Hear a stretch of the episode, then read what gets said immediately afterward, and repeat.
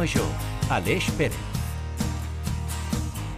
Carrer I- i Toni Major, Mateos. Toni Mateos i Aleix Pérez.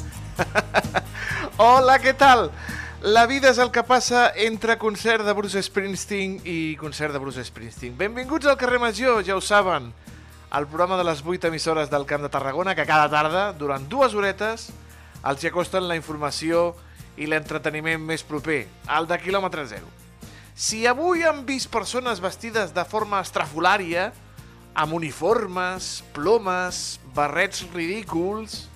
Una de dos, o és Halloween, amics i amigues, o potser han vist el jurament de la Constitució de la Leonor de Borbón. Si han vist algú amb cara llarga, trista, amb ganes de morir, potser és Halloween. O potser estaven esperant a la Renfe, que, oh, sorpresa, també ha tingut problemes avui. Si han vist a gent nerviosa, amb escuma a la boca, donant cops a les portes, una de dos. O és Halloween i és una desfilada d'infectats zombis, o potser han estat enmig d'alguna protesta de ciutadans contra la pujada d'impostos per part dels seus ajuntaments, que fan que molts treguin escuma per la boca. I si han vist a un jove amb ulleres rodones, amb el cabell negre, potser eren Harry Potter o potser era l'Aleix Pérez de la nova ràdio de Reus. Aleix, bona tarda. Molt bona tarda, Toni. Jo crec que era Harry Potter. Tu creus que era Harry Potter? A mi de petit em deien que era Harry Potter. A tu de petit t'ho deien els, sí. els teus pares que era Harry Potter? Sí, sí, sí, els amics de, de sempre. Clar, en aquell moment va fer el boom la, les pel·lícules de Harry Potter i, òbviament, doncs, amb les ulleres rodones tenia cert símil. A veure, millor que et diguin Harry Potter que no et diguin Voldemort, Sí, trucs, Sempre. de, trucs de màgia no en sé fer encara. Eh? no? Però No. nosaltres sí que la sabem fer, eh? Fem màgia cada tarda, amics i amigues. Això és el carrer Major, el més gran espectacle radiofònic que poden gaudir des de Ràdio Ciutat de Tarragona, Altafulla Ràdio, Ona la Torre, Ràdio Montblanc, la nova ràdio de Reus, Baix Camp Ràdio, Ràdio L'Hospitalet de l'Infant i Ràdio La Selva del Camp. Amb la xarxa i el nostre mag particular, en Diago Moreno, que vindria a ser el Voldemort, que els hi portem cada dia la màgia durant 120 minuts. Ara encetem els darrers 60. No s'ho perdin. Benvinguts i benvingudes. Estàs escoltant Carrer Major.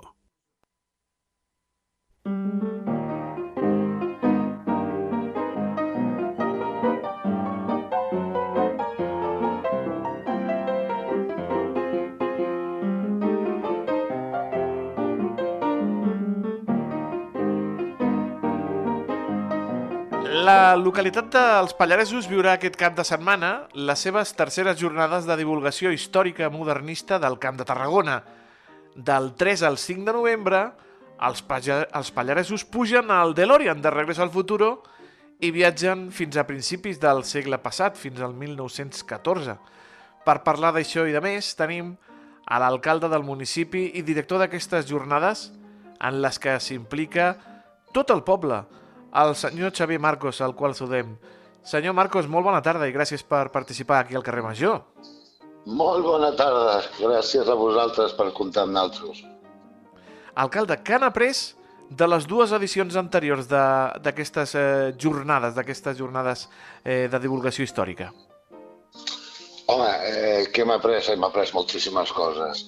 En primer lloc, sempre que muntes una, un acte, qualsevol feina que comences per primer cop i té continu, continuïtat, eh, sempre te n'adones doncs, petites errades, petites coses que podrien anar millor. I bueno, en, estem cada any eh, intentant polir aquests petits eh, serrells que puguin sortir i, i bueno, eh, intentant millorar any rere any i, i, i així continuarem mentre, mentre continuem aquestes jornades modernistes que esperem que s'allarguin molts anys.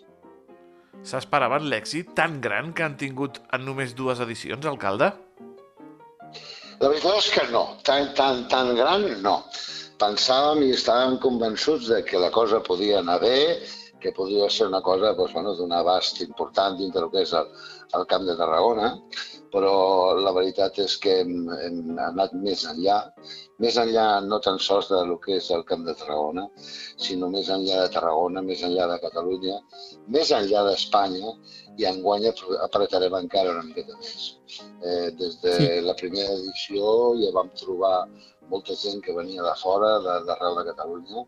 Eh, L'any passat ja van tindre eh, bueno, doncs, eh, eh, entrades de, de gent d'arreu d'Espanya de, i inclús ens ha tocat anar a poblacions fora de Pallaresos com Alcoi, a León, properament segurament també a Santander.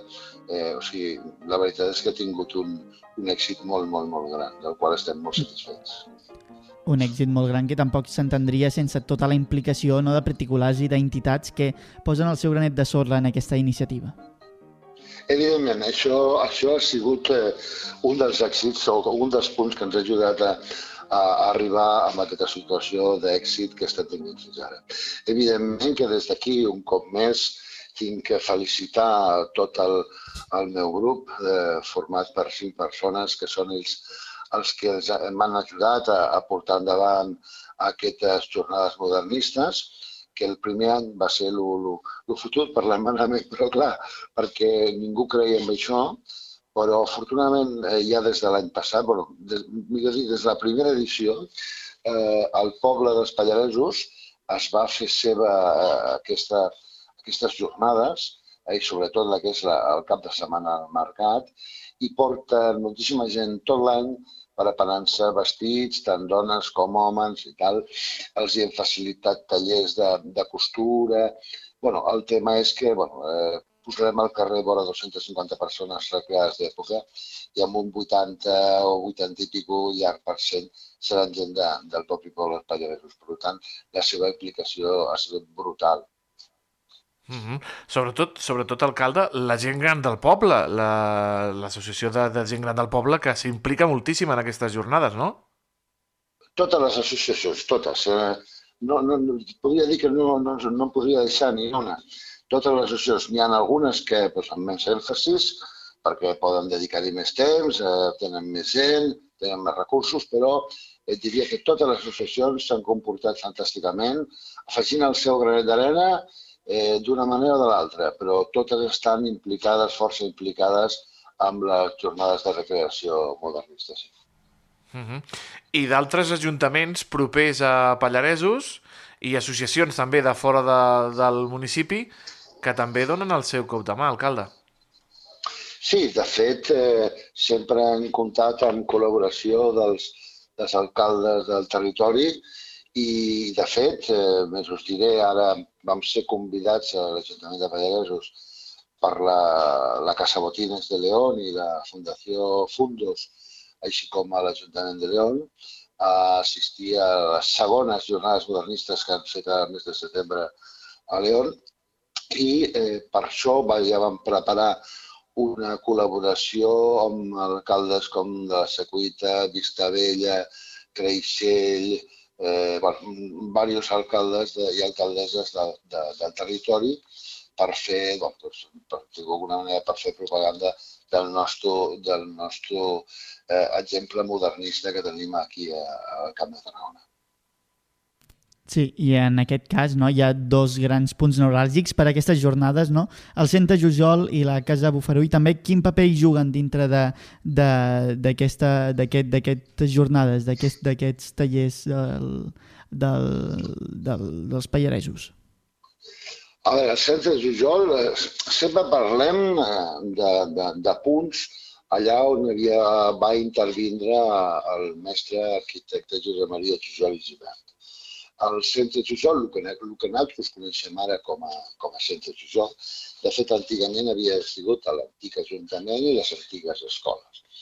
I per nosaltres, ja fa uns anys, allò es va convertir en el centre Jujol, on podem fer doncs, exposicions, conferències. De fet, cada, cada edició de les jornades de divulgació històrica modernista comporta eh, que durant tot el mes d'octubre, cada dimecres a les 7 de la tarda, eh, portem primeres espases del món artístic, eh, arquitectònic, cultural, a parlar-ne de fets o d'anècdotes de, de, de, de, de primers de segle, del segle passat.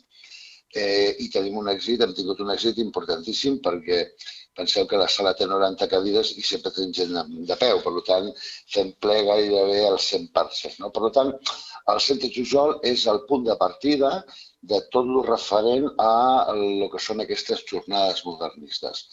Aquest any tenim presentació de, del llibre, tenim alguna conferència, tenim exposició d'obres de la germana, de, de, o sigui, de, de la filla de l'arquitecte Josep Maria Jujol i Givert, germana de, de, de l'únic fill que li queda, que encara està entre nosaltres, en Josep Maria Jujol. I per l'altre costat tenim la, la Casa Bufarull, eh, que bueno, és la peça més important que va tocar Jujol aquí als Pallaresos i enguany celebrem doncs, l'any que es van començar a fer aquestes restauracions, no? el 1914. Sí, han de destacar alguna de les activitats, alcalde? Sé que és difícil, perquè és un programa de dos dies, dos, dos, dos dies i mig, ple d'activitats. Però sí. què, què no ens podem perdre, alcalde? Què no ens podem perdre en aquests dies, en aquestes jornades a Pallaresos? Eh, no us podeu perdre res. Així de clar us ho dic, perquè és tot, tot, tot, no, no, és tot molt, molt, molt eh, específic i cada, cada peça de la que fem és molt important, està molt treballada i, eh, i bueno, de fet, eh, és, és, és única. No? El que sí tenim és un avantatge. El mateix que tindràs el, el dissabte, ho tindràs el diumenge. Per què fem uh -huh. això? Perquè hi ha molta gent doncs, que es pot desplaçar o bé dissabte o bé diumenge, no pot els dos dies l'hora. Llavors, eh, repetim gairebé el 95% el mateix dissabte que novembre. Qui li agradi molt una cosa i per excés de gent no ha pogut gaudir d'una exposició o d'una presentació o d'uns tallers, pot repetir perquè sap que el mateix l'endemà, el mateix dia i el mateix, perdó, a la mateixa hora es tornarà a repetir i donem opció de que, que la gent pugui gaudir de tot. Hi ha una cosa molt, molt senzilla, però, però que en realitat té un èxit des de la primera edició, que són els jocs infantils que són jocs de fusta, majoritàriament, eh, uh -huh. jocs de l'època, que realment tenen un èxit molt, molt, molt important i els, els, els nens petits, els més petits de, de la casa, en gaudeixen molt i per nosaltres és una peça molt important, evidentment. Però tenim tres presentacions de, de llibres.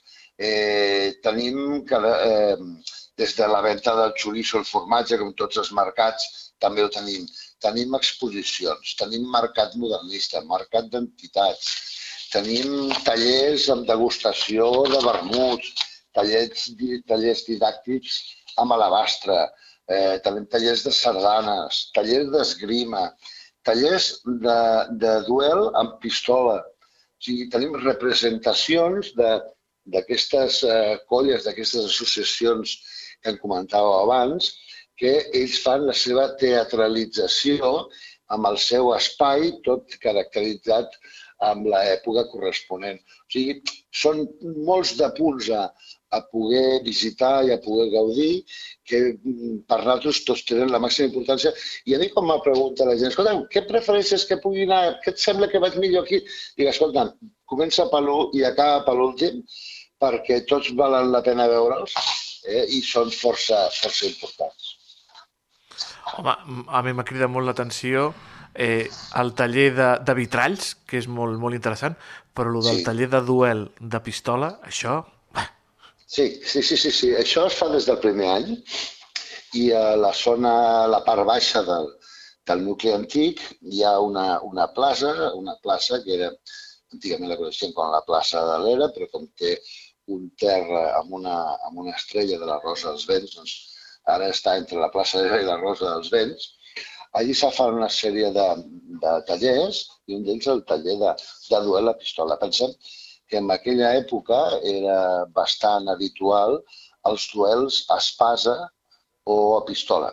Anaven de, de caiguda els duels d'espasa de, i començaven més o ja es feien més normals, entre cometes, els, els duels amb pistola. I bueno, es fa una escenificació amb pistoles d'època, evidentment sense munició dolenta, no? però sí tot el ritual, les preparacions, els padrins, i com es feia. Sí, és, és, és, molt, és molt divertit de veure i de participar-hi, perquè el públic pot participar. Jo portaré el meu padrí, que és el, el meu company, l'Aleix. I escolti'm, eh, aquestes jornades són per treure'ns definitivament del cap aquella idea que tenim molts establertes de Pallaresos. És un poble dormitori, ple de, de cases i d'urbanitzacions on la gent eh, només hi va a dormir. Aquestes jornades demostren tot el contrari, oi, alcalde? Efectivament, o sigui, precisament eh, un de, dels nostres objectius de, de, del meu equip mm, com a partit i del, dels equips eh, que hem aconseguit fer equips de govern eh, ha sigut doncs, portar la cultura, sobretot, eh, i fer-la forta dintre de, del nostre municipi. És ben cert que molta gent pensa això de, dels pallaresos, però els pallaresos té moltes coses més. Té, té cultura, té esports, té molta, molta natura que l'envolta. I què és el que li faltava? Faltava donar a conèixer els pallaresos a, a nivell extraradi de, de, del nostre terme municipal. I amb tota la bona intenció és el que vam intentar i carai si ho hem aconseguit afortunadament. I la veritat és que és un bon espectacle perquè, repeteixo, el poble dels Pallaresos s'hi està abocant des del segon any, perquè el primer no sabien encara el que era, però el segon any va ser un excitàs. Enguany eh, posem bastanta més gent de la que vam posar l'any passat, que vam frontar les 200 persones. Aquest any ho superem amb escreix i tot és eh, gent de, de, del poble que porta mesos i mesos treballant eh, els seus vestits i portant-ho a terme i, com se diu avui en dia, no? amb molt bon rotllo. I això també és molt important i, i, i clic. És molt, molt important en tot això. Xavi Marcos, alcalde i director de les terceres jornades de divulgació històrica modernista del Camp de Tarragona que celebren aquest cap de setmana als Pallaresos. Moltíssimes gràcies per acompanyar-nos aquesta tarda al carrer Major. Pues, moltíssimes gràcies a vosaltres que ens ajudeu a promocionar aquest acte i, sobretot, deixa'm que, que faci un, un, un crit eh, especial que tenim un dels nostres eh, més grans col·laboradors i és una persona clau dintre del món cultural i artístic de Tarragona, el Josep Maria Boqueras, que està passant per una situació de salut una mica de, delicada i des d'aquí m'agradaria fer-li arribar un, una forta abraçada i molts desitjos de recuperació el més aviat possible, que el necessitem i el volem amb nosaltres. Moltes gràcies. També és nostra l'abraçada eh, cap al senyor Boqueras. Una abraçada, que vagi molt bé. Molt bé. Moltes gràcies. Bona tarda. Carrer Major, al Camp de Tarragona, des de ben a prop. Criden fort, com si tot aquest volum de veu els donés la raó. Preparats per marcar-nos les tendències noves que es porten en paga i et donaran tot el que mai has necessitat sempre amb preus ajustats. Són per tot a les bústies dels vagons de metro i les sales d'estar als carrers i a la gira de l'artista que ha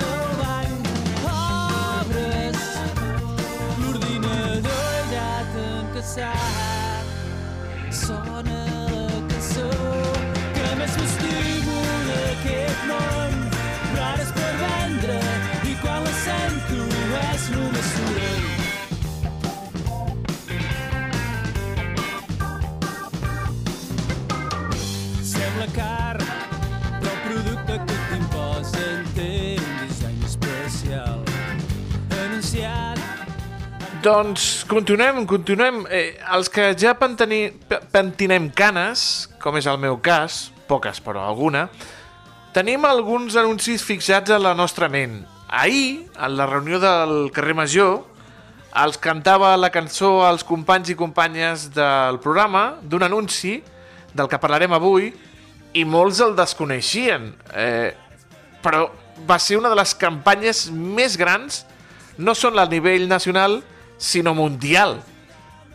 Ens dirà de què estem parlant el nostre publicitari estrella, el nostre publicista estrella, que és en Xavi Franco, que ens visita com cada 15 dies i al qual saludem. Xavi, molt bona tarda. Molt bona tarda a tothom. Com, Com va tot? Nosaltres espectaculars. I tu? Eh, perfecte, perfecte. Com sempre, perfecte.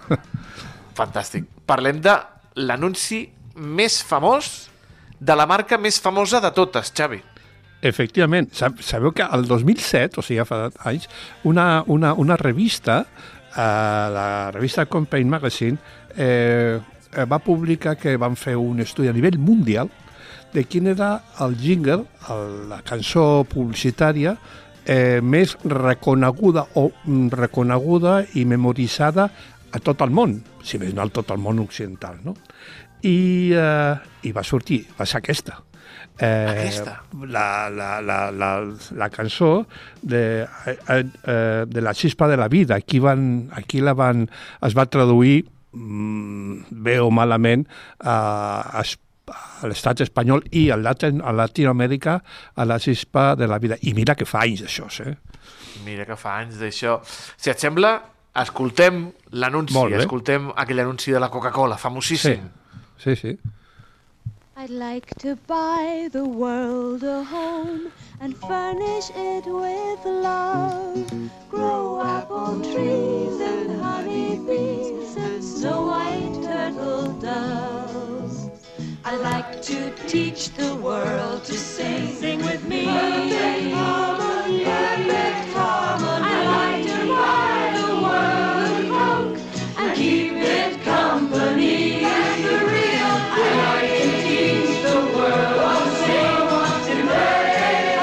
Xavi, eh, allò de... Eh, Ah. The Real Thing era el, la, la campanya en, en, en anglès, uh, I like to buy, a, to buy a Coke. Caitaco. The real Eh, thing. M'agradaria La- comprar-li al món una Coca-Cola. Ah, sí, Eh, pues mira. la traducció així.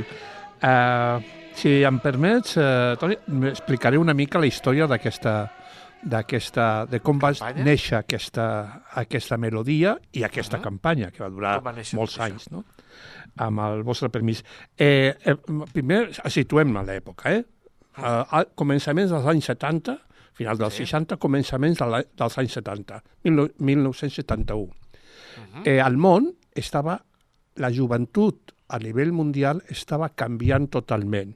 Havia un trencament generacional. Parlo de l'Stop the War, eh, per la guerra de Vietnam, parlo de, dels Beatles, parlo del Ku Klux Klan en, en Amèrica, en l'apartheid en Amèrica, i en altres països occidentals, a Europa al maig del 68, havia un trencament ge- generacional. D'allí va sortir totalment el moviment hippie, que eh, va dominar durant tots els eh, anys eh, 70 eh, eh, i aquí a, a, a l'estat espanyol doncs, eh, Ibiza, Formentera eren els paraïsos eh, hippies per naturalesa. No? Bé, any 1971, el- l'agència de publicitat a nivell mundial que eh, per, eh, feia co la Coca-Cola, les campanyes internacionals de Coca-Cola, que després es traduïen més o s'adaptaven a cada un dels països aproximadament, eh, convivien i convivien amb les campanyes de publicitat de Coca-Cola nacionals de cada país, doncs el Bill Baker, que era el director de, uh, la, de McCann, McCann Erickson, l'agència de publicitat de New York, de, que portava Coca-Cola, estava fent, anava de New York a London. I, eh, però havia a l'aeroport de Londres hi havia una, una tormenta impressionant, boira, tormenta i tal, i, al, i a l'aeroport i l'avió va aterrar, va tenir que fer una escala tècnica improvisada a Irlanda a passar hores fins que acabés la tormenta a, a, a Londres, a l'aeroport de Londres, i pogués, poguessin aterrar allà. Bé, va baixar de l'avió, es va ficar en el bar i va veure un grup de gent de diferents races, eh, serien eh, doncs, eh, estudiants o, o el que sigui, eh, rient i tal, divertint-se'n, i tots prenien una Coca-Cola. Llavors ell va agafar una servieta i va al paperet i va fer, va, va escriure aquesta cançó. A, aquesta cançó, no, aquest títol, no? el concepte. M'agradaria comprar-li al món una Coca-Cola. Va veure de que la Coca-Cola en aquells moments, en aquella visió fotogràfica que se li va quedar ahí en la ment, al Becker a la ment, doncs eh, veia de que eh, eh, mm, totes... Eh, no, la, la Coca-Cola unia i divertia, feia, buscava emocions dintre d'un grup de gent de moltíssimes nacionalitats. No? Eh, Sí. Bé, va, va, va arribar a Londres i amb un col·laborador seu mm, eh, de jingles eh, que, que havia sigut o era un- d'un gran grup de Full Top, es deia el grup, de, que es deia Billy Davis, li va explicar el tema. Escolta, tu, m'agradaria fer una cançó. Diu, sí, però fem... eh, eh, eh, Les va explicar la seva història, no? com va escriure aquesta, aquesta, aquesta frase. No? I el Bill Davis, eh, en conjuntament, eh, va escriure la lletra d'aquesta cançó i tal. No? Bé, eh, va arribar a, a tornar a Nova York, va arribar a Atlanta, eh, que és la seu principal de, de Coca-Cola a nivell mundial, encara sí. que el, eh, Bill Baker vivia a New York, i el president de Coca-Cola o el departament de publicitat de Coca-Cola li va proposar això. Li va encantar i li van donar un pressupost impressionant per fer aquesta, aquesta, aquesta, a, a, aquesta cançó. Eh, la va gravar eh, i eh, tenia que produir a l'espot. Va fer un càsting de 500 persones a, a Estats Units, a, no, a Londres, i eh, va escollir 200. 200 joves que les volia, els 200 joves que els volia eh, vestir eh, cada un d'ells aproximadament una mica amb, eh, amb, amb, amb, amb algunes eh, vestimentes del seu país. Uh -huh. No exactament folclòric, però que recordés, clar, hi havia de moltíssimes nacionalitats, no? I de uh -huh. moltíssimes races, no? I que cantessin aquesta cançó. El que passa que quan, quan van buscar els exteriors, etc., eh, per mm, mm, rodar la pel·lícula, a l'espot, eh, que crec que durava un minut, un minut i alguna eh, doncs, eh, ostres, Londres plovia. I a l'endemà És plovia. fred i, i, i plou, sí, sí. I on van I a marxar? l'endemà plovia. I van estar una setmana plovent i allà 200 persones pues, fet, no fent res, no? Ensejant la cançó, res. Eh, bueno, ni ensenyar la cançó, perquè ells no cantaven. Eh, qui cantaven era un grup que havien, els havien agafat, que tenia molt èxit en aquella època, que es deia The New Seekers. Eh, I aleshores van decidir canviar d'exteriors i van marxar amb un turó a, a la, al nord d'Itàlia. Van tornar a fer un càsting allà i eh, ràpidament alguns els, va portar, el van portar directament de Londres, que hasta ja els tenien, i van fer l'espot en un turó del nord d'Itàlia. No? Per això li deien, la, can- es diu popularment, es deia la cançó del turó. Eh, va ser un èxit impress... La van radiar, aleshores, el, el juliol del, del 1971, es va emitir per primera vegada a l'espot a, als Estats Units. No? Paral·lelament, paral·lelament, a aquest, van fer un disc, el Diu Siques, amb aquesta cançó traient qualsevol referència a la Coca-Cola, naturalment. No? I, eh, bueno, mm, la gent, quan va sentir la primera cançó, la gent trucava a les emissores, parlo de 1971, a la, a la NBC, etc, per, per preguntar quan tornava a sortir l'anunci. Clar, eren gent vestida, era un ambient totalment mm, Sí. lliure.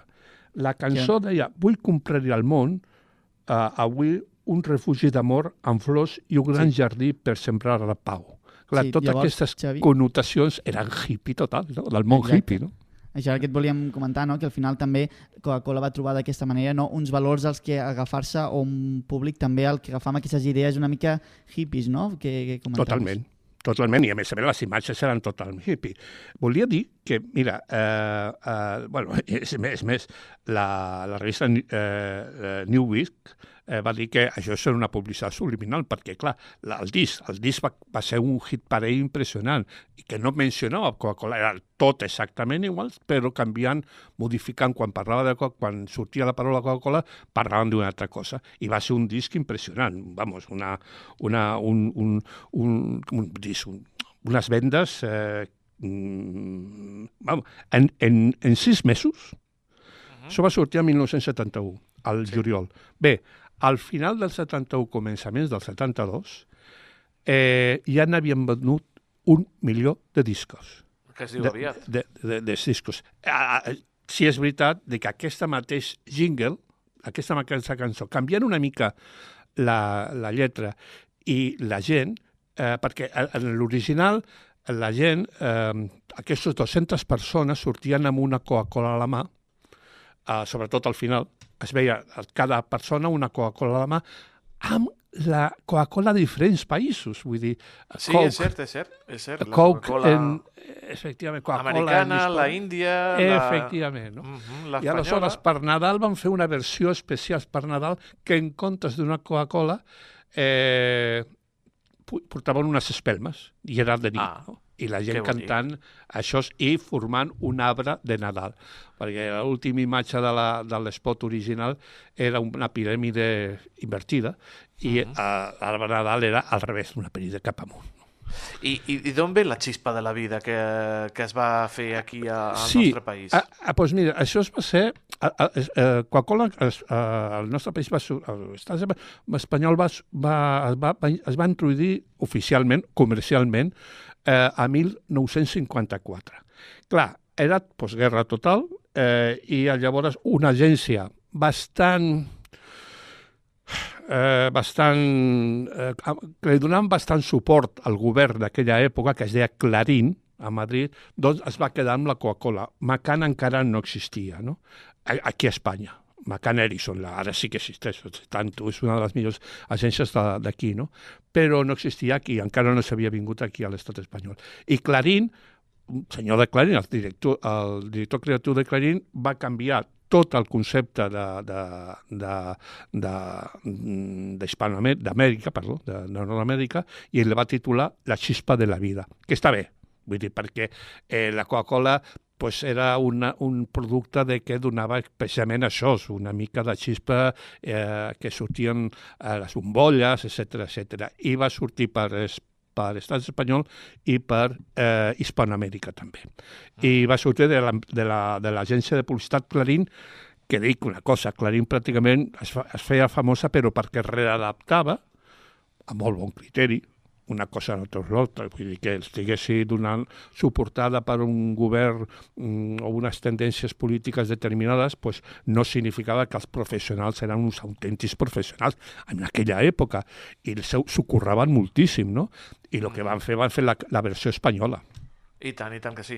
A més a més, La xispa de la vida, hi ha la pel·lícula de l'Àlex de la Iglesia que es diu així, La xispa de la vida, que és el, el, el, diu que és l'home que va crear l'anunci de la Coca-Cola, i, com no, al final de Mad Men, la, una de les millors sèries de la història dels, de la televisió, Mad Men, al final de Mad Men, Don Draper, eh, que diu que abandona la publicitat, eh, Uh-huh. a- ell està a, amb un grup de hippies eh, fent meditació i de sobte li ve el fent om, om, li ve la cançó i ell és el que inventa l'anunci de la Coca-Cola i amb la, aquesta cançó acaba aquesta meravellosa sèrie.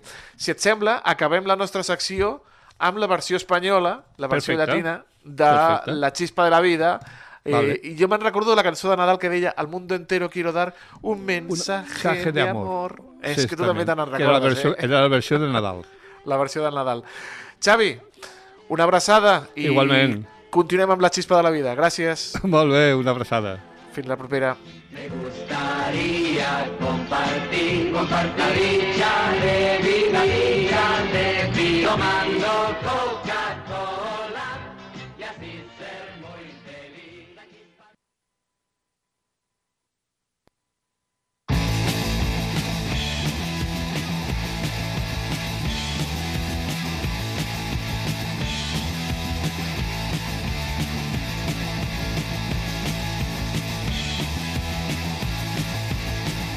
Que m'has escollit els Ramones? Sí, mira, em venien de gust. Em venien de Ah, gust. bé. És un grup que, mira... No, no, Ramones en mi equipo siempre.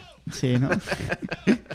doncs mira, el, he escollit els Ramones, realment no té massa relació amb el que explicarem ara, però mira, crec que el Ramones també anima i és que passem als nostres estimats ODS, ja ho sap la, la gent que ens escolta, els objectius de desenvolupament sostenible, que ens agrada des de Carrer Major, òbviament, dedicar-hi una estona els dimarts i dijous doncs per veure si realment s'estan complint aquí a casa nostra.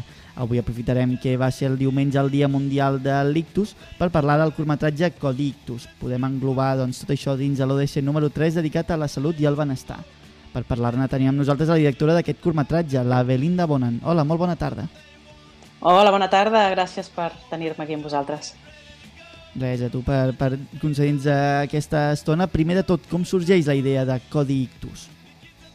A veure, és una experiència personal. La meva mare el 2018 va tindre un ictus eh, i al final quan algú té un ictus, tota la família no, doncs, també ho viu a la seva manera. I com a cineasta, doncs, al final expresses una mica doncs, les coses que et passen i, i d'aquí va sorgir la idea, no? doncs, aquesta idea de dir, bueno, a l'any de l'ictus, quan ja s'havia recuperat i tot, era, bueno, li he de fer una entrevista, això de quedar d'alguna manera, i a partir d'aquí, doncs, quan ja tenia l'entrevista, era com vull expressar tot això. No? I vaig veure els, els dibuixos del Ramon i Cajal i llavors vaig pensar, home, doncs potser puc fer no? aquest, aquest punt de- d'ensenyar de, com es va crear l'ictus de la meva mare mentre escoltem el seu testimoni. No? I una mica aquest és el, la llavor d'aquest curtmetratge. Exacte, no? veiem que, que realment es presenta amb una tècnica molt característica. No? Podríem englobar-ho dintre de l'animació? Quin, quin és la, el mètode empleat a l'hora de fer aquest curtmetratge? Sí, la idea era fer un... Mira, eh, si, si t'ho he de dir en poques paraules, el que volia fer era una obra d'art en, en moviment, no? És, doncs, si tinc un quadre penjat a la paret, que es mogui, no? I aquesta era la, la, la idea principal. I si és animació, és animació que vam tornar a tot el sistema tradicional, no? en aquest món tan digital que tenim avui en dia, i que nosaltres vam començar amb, amb animacions eh, digitals, en 3D i tot, doncs vam tornar una mica no, a- als orígens i la veritat és que el treball és un treball fet sobre paper, frame a frame i pintat amb mà en aquarela. Vull dir, la nostra artista, Maria Pulido, va fer un, un treballàs i, i al final és el que es pot veure no, en el curtmetratge. I de quina manera es podria dir que influeix aquesta manera de treballar, aquesta posada en escena a l'hora de transmetre el missatge que, que en aquest cas volies transmetre? Sí, la idea, sobretot amb aquest curtmetratge, i que sempre li poso l'etiqueta d'experimental perquè no té una narrativa clàssica, era sobretot, per una banda, eh, transmetre emocions no? i sensacions, que sigui una, un, una peça molt sensorial, i després també una, un cert punt divulgatiu, perquè amb tot el procés de creació del curtmetratge vaig parlar amb moltes persones que havien patit ictus i això, i, i costa molt que, que les persones donin testimoni, no? perquè a vegades arrosseguen seqüeles i no costa no? ficar-se davant d'una càmera i parlar d'això. Llavors, el- la idea també amb el curtmetratge era que, que algú pogués donar un testimoni i, de fet, m'han arribat molts comentaris no? de donar-me les gràcies no? d'haver fet aquest treball i de mostrar també no? com ho viu una persona no? que, que ha patit aquesta enfermetat. Per tant, llavors podríem dir que realment potser encara en, ens falta una mica no? conscienciar sobre l'ictus, les seves conseqüències. La gent potser, a vegades, no? si es troba en una situació doncs, de- de- d'emergència, potser inclús no sap com, com reaccionar o inclús com, com, com adonar-se no? dels símptomes que presenta la persona que l'està patint. Exacte, pensa que és el que em va passar a mi, no? en la meva experiència personal. Eh, Jo crec que moltes persones tenim molt clar que, que hi ha una malaltia que es diu ictus i ja està, i tenim molta gent al voltant que li ha passat, però realment no saps què has de fer no? en el moment en què passa. No? Llavors hi ha tota una sèrie de símptomes i si tu truques al 112 i dius codi ictus, el protocol que s'estableix és molt més ràpid i en un ictus els minuts, eh, o sigui, són... mm, és el que més compta, no? Perquè com més es tardi en, en fer una acció no? i en anar a l'hospital i, en, i, en, fer un tractament, doncs més seqüeles poden quedar i més dany cerebral no? pots tenir. És important, llavors, actuar ràpid en, en aquest cas i, i en, en totes les situacions d'emergència que es puguin presentar. També, no sé, des de des de l'estudi no? amb el que, que formes pas, el Mos Wanted Studio, també, quina importància ha tingut també en el, en el procés i, i també aquesta, aquesta motivació no? de voler explicar doncs, una història que afecta tant i potser no, no s'explica. Mira, nosaltres com a estudi d'animació sempre intentem, o sigui, per una banda, eh, en animació entretenir, evidentment, i hem fet, i hem fet curtmetratges infantils, però tot i així sempre ens agrada que tots els treballs que fem aportin un valor i, tinguin un impacte social. No? I en el cas de Codi Ictus, clar, ens ha omplert moltíssim, eh, per una banda, obvi, perquè és una experiència personal, molt propera, a mi m'ha servit de catarsi, no?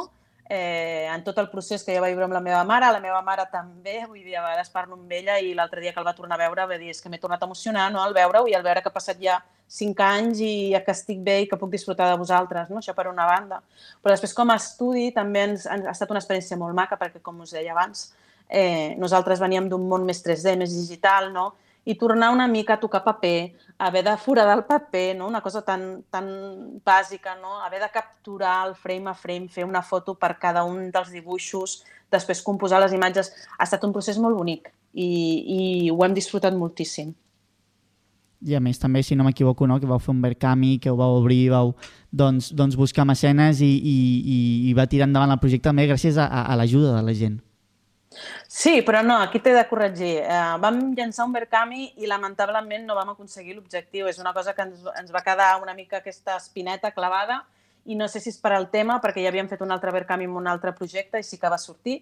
Eh, I per això crec que és important fer aquest tipus de treballs perquè, perquè no sé per quina raó de l'ictus se'n parla poc, crec que se n'ha de parlar més i totes les associacions i gent que hi ha al voltant d'aquesta enfermetat estan intentant fer una gran tasca i crec que més ens hi hem de sumar. Per això estic molt agraïda d'estar aquí i de que em doneu aquesta oportunitat no? de parlar d'aquesta enfermetat, perquè crec que és molt necessari. Doncs mira, amb més raó encara. I bé, no sé també què, què heu fet en el Dia Mundial de l'Ictus, no? també l'heu obert perquè tothom el pogués gaudir, el pogués veure i, i es pogués conscienciar. Exacte, pensa que el circuit normal de curtmetratges el, el poses per festivals i de fet tenim un curtmetratge que vam estrenar el 2020 que encara no l'hem publicat eh, que ha passat per molts festivals durant dos anys i ara està en una distribució comercial que, que en curtmetratges lamentablement és, és petita i costa molt, però en el cas de Codi Ictus teníem clar que, que clar, si vols fer divulgació i vols fer una tasca, al final el curtmetratge ha d'estar allà no? I, i ha d'estar públic i en obert i que la gent el pugui veure i que es puguin entablar converses no? entorn a això i per, per tant creiem que, que passat un any no, del, del seu estrena, que es va estrenar el 2022 a l'Animac Lleida, doncs ja era un bon moment i més, i més en un dia com el Dia Mundial de l'Ictus, no? Totalment. Doncs moltíssimes gràcies, Belinda Bonan, directora de Codi Ictus, ja no només per, per explicar no, i per donar a conèixer aquesta situació, sinó també per la catarsi i el procés personal que també entenc que comporta aquesta obra i per venir aquí a parlar i explicar el que significa per, per tu. Moltes gràcies. Moltes gràcies a vosaltres. Un plaer. Gràcies, Belinda. Gràcies, un plaer. Gràcies. Adeu. Adeu. El valor del Camp de Tarragona, carrer Major.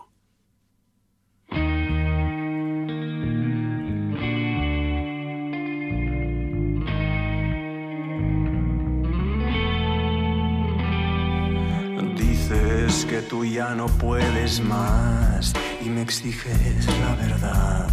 Yo no sé qué contestar Doncs anem amb la banda sonora.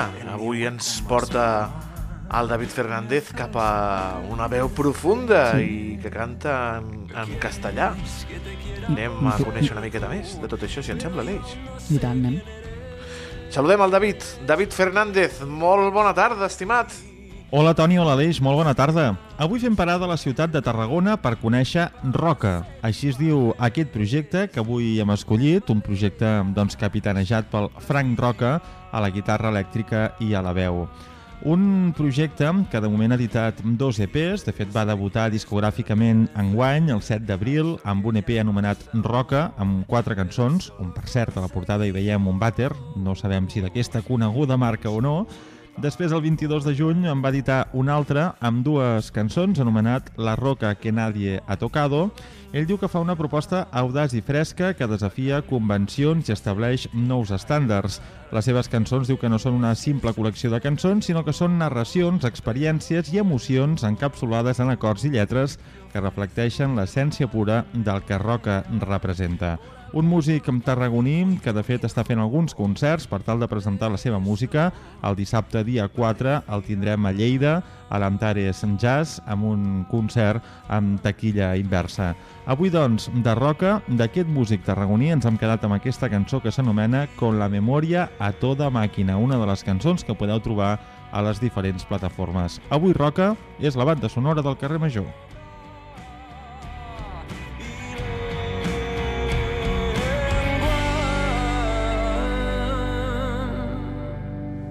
De lo eterno.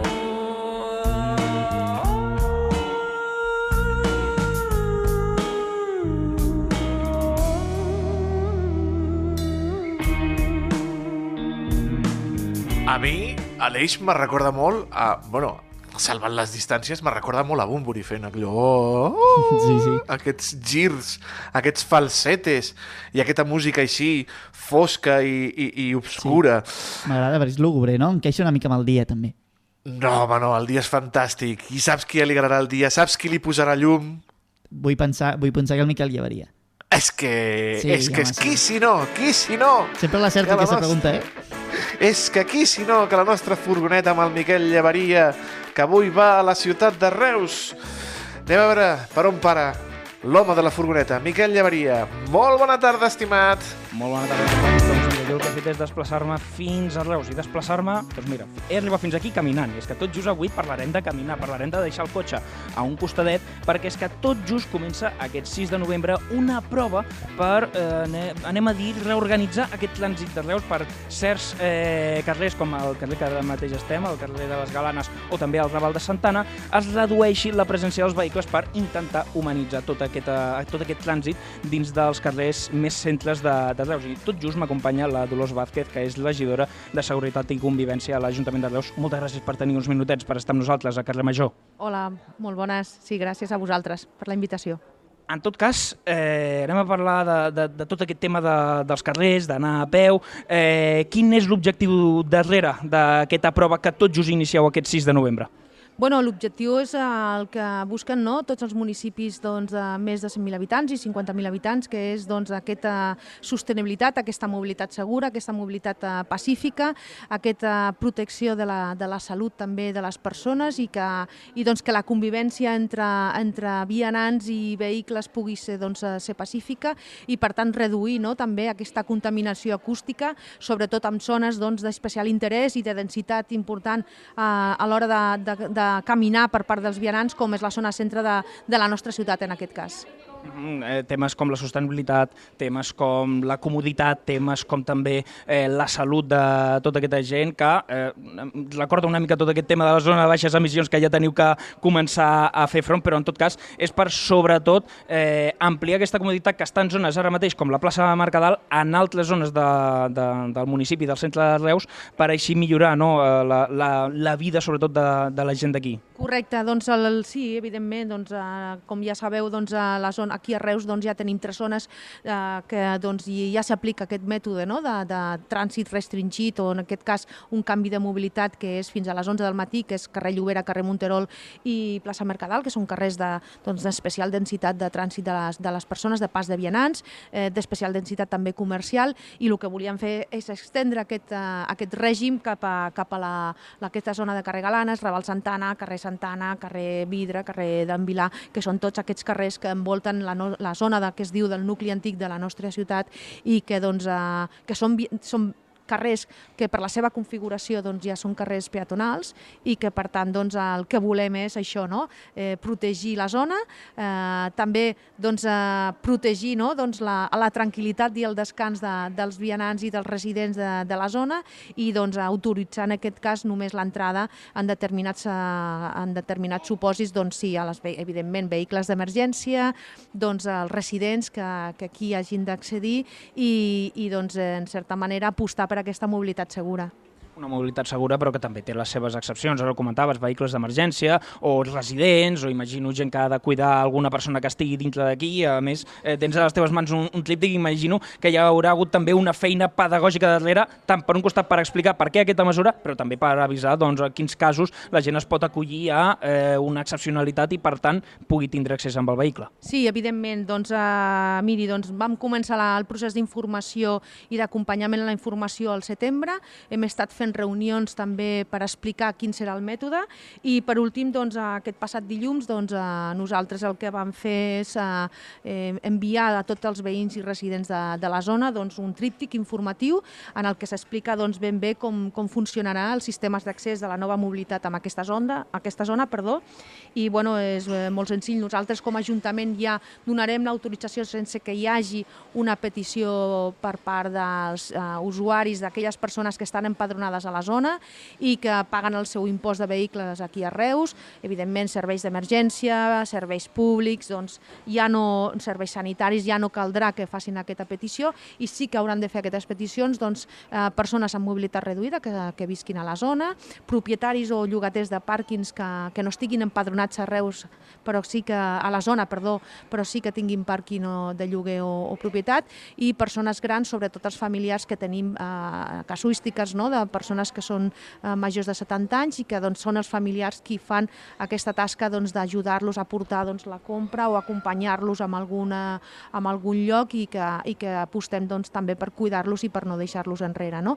I després doncs, eh, autoritzacions temporals, doncs, eh, aquelles que doncs, s'hagi de fer doncs, una ocupació eh, temporal per qualsevol motiu, mm, ara em ve al cap doncs, una mudança, per exemple, o unes obres, i doncs, eh, els hotels i allotjaments turístics que evidentment doncs, hauran de, de passar uns tràmits que així breument eh, es poden fer per internet o s'han de dirigir a la gent a l'Ajuntament en concret? Sí, bueno, tenim diverses eh, vies. Una, evidentment, és la de l'Ajuntament a través de, de la sol·licitud de, a, la, a la pàgina web de l'Ajuntament, el que hem habilitat ja doncs, una, una, precisament l'aplicatiu per poder demanar aquestes autoritzacions i també hem posat a disposició de la ciutadania un correu electrònic que és mobilitat arroba reus.cat i un número de telèfon per qualsevol i per resoldre qualsevol qualsevol dubte al respecte. De fet, tenim, vam tenir aquesta primera fase d'informació, ara farem la fase d'acompanyament i el dia 6 comencem un període d'adaptació que en principi ha de durar fins a finals de gener per, eh, per acompanyar-los, per ajudar-los. Hi haurà presència també de Guàrdia Urbana en els moments doncs, que, doncs, que hi hagi doncs, ja aquesta, funcionin aquests lectors de, de matrícula i sobretot el més important és que en aquest període d'adaptació que volem és ajudar i acompanyar, hi ha una moratòria sancionadora, el que volem és que els veïns i veïnes de la, de la zona eh, afectada no, no? en aquest cas per la mobilitat nova que entra en vigor, doncs, que es puguin sentir còmodes, que no tinguin cap problema i també doncs, l'opció de que en cas de que no funcioni el lector de matrícula, perquè les màquines, ja sabem, són màquines i a vegades poden fallar, doncs hi ha un interfon perquè posar-se directament en contacte amb Guàrdia Urbana perquè els hi puguem ajudar. En tot cas, mobilitat sostenible, segura, en pos del bé de la ciutadania, que és la que s'està treballant aquí des de Reus amb aquesta prova, que tot just començarà el 6 de novembre. En tot cas, Dolors Vázquez, regidora de Seguretat i Convivència, moltes gràcies per haver-nos acompanyat uns minutets a Carrer Major. Gràcies a vosaltres. I ja sabeu, per venir a Reus podeu deixar el cotxe a la porta i ja després sí. aneu caminant, que a mi m'agrada molt. Sempre, sempre. Gràcies, Miquel, i també moltíssimes gràcies a la regidora Dolors Vázquez per acompanyar-nos aquesta tarda al carrer Major, que, amics i amigues, tornarà no demà, sinó el dijous a partir de les 4, ja ho saben, amb Anna Plaza, amb Toni Mateos i amb la resta de companys i companyes que fan possible aquest programa, com l'Aleix Pérez. Aleix, eh, aquesta nit a disfressar-se, eh? Jo em, faré, em disfressaré de tiet Garrepa, perquè no donaré diners a les meves nebodes. Molt lleig, eh? Toni. Molt lleig, però... A veure, diré, a veure, què són, què són les teves nebodes, eh? No estem parlant Sí, però de... són moltes i demanen molts diners, i jo no en tinc. Soc periodista, recorda. És veritat. Que vagi molt bé, amics i amigues. Ens retrobem dijous. Una abraçada. Fins dijous.